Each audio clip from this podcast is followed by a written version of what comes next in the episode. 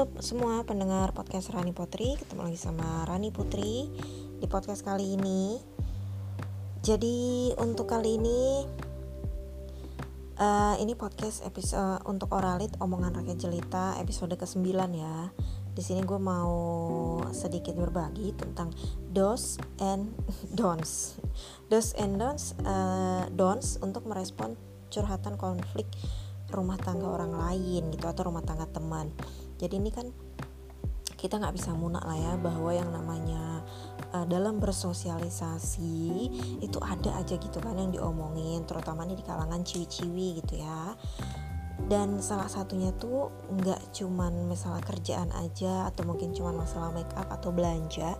Kadang-kadang yang namanya hubungan dalam berpasangan itu juga bisa uh, apa namanya bisa jadi satu bahan yang diomongin gitu sama teman gitu atau sama sahabat gitu. Tapi kalau udah ke ranah uh, kehidupan berpasangan atau love life itu pastinya ada hal-hal yang harus dijaga gitu kan.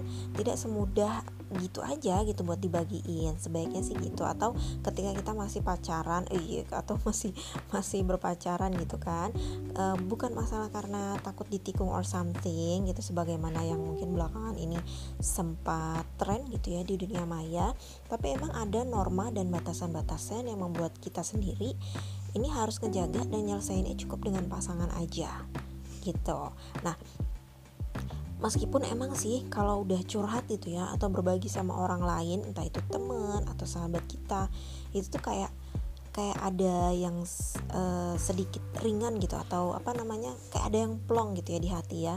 Apalagi kalau udah misalnya udah sampai uh, misalnya ada ada tangisan ada drama gitu di dalam rumah tangga terus kita misalnya curhat itu tuh jadi kayak kayak sedikit berkurang gitu bebannya. Konon seperti itu. Tapi yang namanya kehidupan percintaan atau berpasangan ini adalah sesuatu yang cukup pribadi itu ya masa uh, satu masalah yang cukup pribadi untuk diceritakan ke orang lain.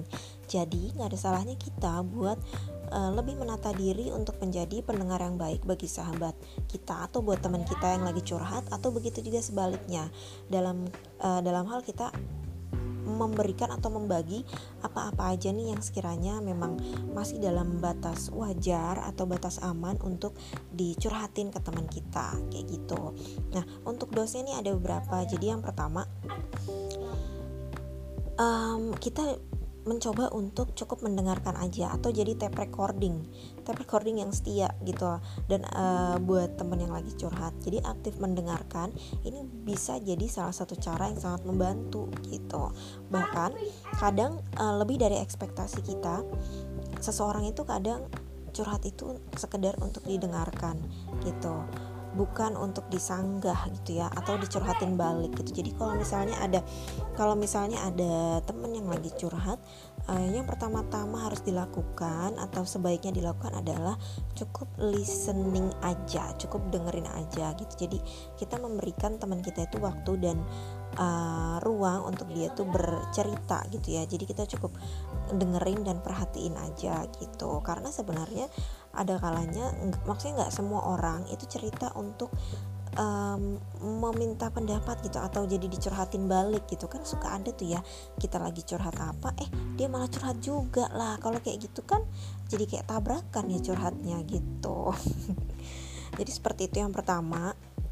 Kemudian kalau udah sesi mendengarkan, kita bisa mencoba untuk memberikan yang namanya dukungan emosional. Jadi, selain mendengar, kita bisa sedikit menunjukkan bahwa uh, kita tuh ada gitu buat teman kita gitu. Jadi apa namanya ya kayak bersimpati tapi tanpa ngejudge gitu.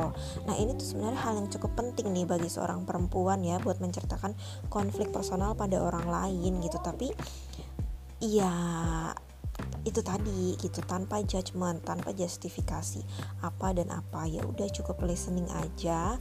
Kemudian ya uh, kita bisa sedikit bersimpati meskipun kita juga kadang nggak tahu mau ngasih solusi apa gitu kan. Karena biasanya yang namanya kehidupan berpasangan tuh sebenarnya solusinya ya ada di pasangan itu sendiri gitu. Jadi kita sebagai orang yang netral ya secukupnya aja. Ataupun kalau misalnya mau memberikan saran ya se uh, sewajarnya aja dalam artian kita nggak perlu ngejustifikasi salah satu gitu dari mereka. Kecuali mungkin kalau kasusnya udah misalnya ada KDRT seperti itu nah itu baru mungkin kita bisa membantu untuk misalnya kayak uh, membantu melaporkan mungkin atau juga bisa dengan mencoba memberikan uh, saran gitu bagaimana sebaiknya apakah perlu ke terapi gitu atau memang perlu mediasi lanjutan dengan pihak yang lebih expert gitu. Nah, itu sebenarnya itu udah masuk ke tahap ketiga sih ya.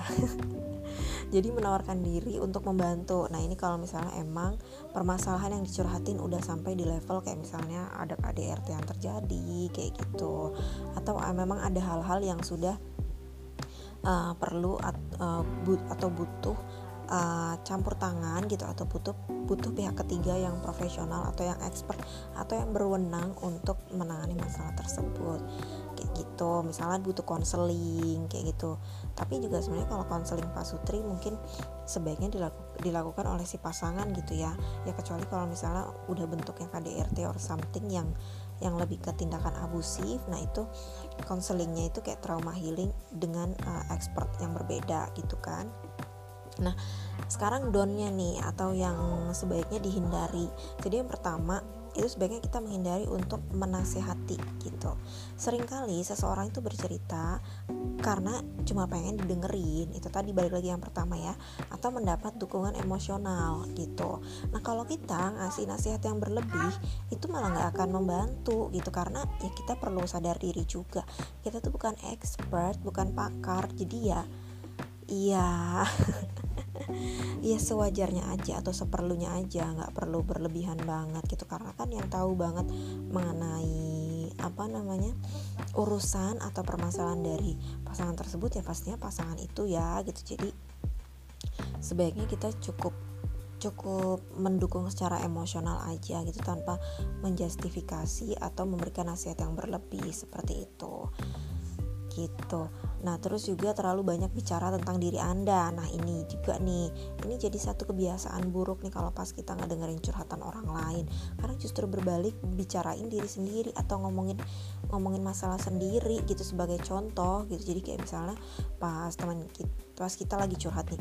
Kita lagi curhat masalah uh, misalnya uh, kita sempat bertengkar sama suami karena perbedaan pendapat dalam hal misalnya mengasuh anak gitu nah terus kita lagi curhat gitu. Eh pas lagi curhat-curhat gitu tiba-tiba uh, lawan bicara kita atau teman yang yang kita ajak buat curhat dia malah balik ngomong balik curhat tentang masalah dia dan anaknya. Kan jadi nggak ketemu kan gitu. Maksudnya kalau misalnya memang mau curhat yang dua arah ya selesaikan dulu. Maksud gue uh, yang yang kita cerita dulu atau yang orang lain cerita dulu. Baru setelah misalnya kita memberikan uh, dukungan emosional gitu atau dia udah lebih udah lebih tenang gitu udah lebih calm baru kalau misalnya emang kita merasa kita juga butuh curhat ya udah kita curhat gitu. Jadi jangan yang menimpali curhatan dengan curhatan langsung gitu. Jadi sebaiknya sih ya udah kita dengerin dulu dia sampai kita kasih uh, dukungan emosional kita atau simpati baru tuh habis itu uh, mungkin kita bicara tentang hal lain begitu. Dan juga yang pasti jangan sampai terjebak membandingkan diri diri sendiri sama kehidupan rumah tangga orang lain gitu atau uh, membanding apa namanya membandingkan kehidupan rumah tangga dia dengan kehidupan rumah tangga kita gitu orang yang dicurhatin gitu. Yang pasti uh, berusaha untuk tidak mengubah sesi curhat menjadi sesi yang cuma tentang uh, diri lo aja gitu atau atau orang yang curhat aja gitu. Kayak gitu. Karena kan sebenarnya yang butuh curhat siapa gitu kan? Yang maksudnya urgensinya urgensinya gitu loh. Kita menilik lagi ke urgensinya siapa nih yang emang lagi butuh banget dukungan emosional gitu. Terus bersikap kritis terhadap pasangannya itu juga sebaiknya dihindari. Meskipun kita memang sahabat dekatnya uh, bahkan kita juga mungkin percaya sama dia sama si orang ini tapi sebaiknya kita tetap berhati-hati saat ikut melontarkan kritik tentang si pasangannya teman kita begitu. Itu untuk menjaga sih lebih ke untuk menjaga apa ya ya berusaha untuk bersikap netral aja gitu. Jadi nggak yang uh, mojokin atau menjustifikasi salah satu pihak gitu.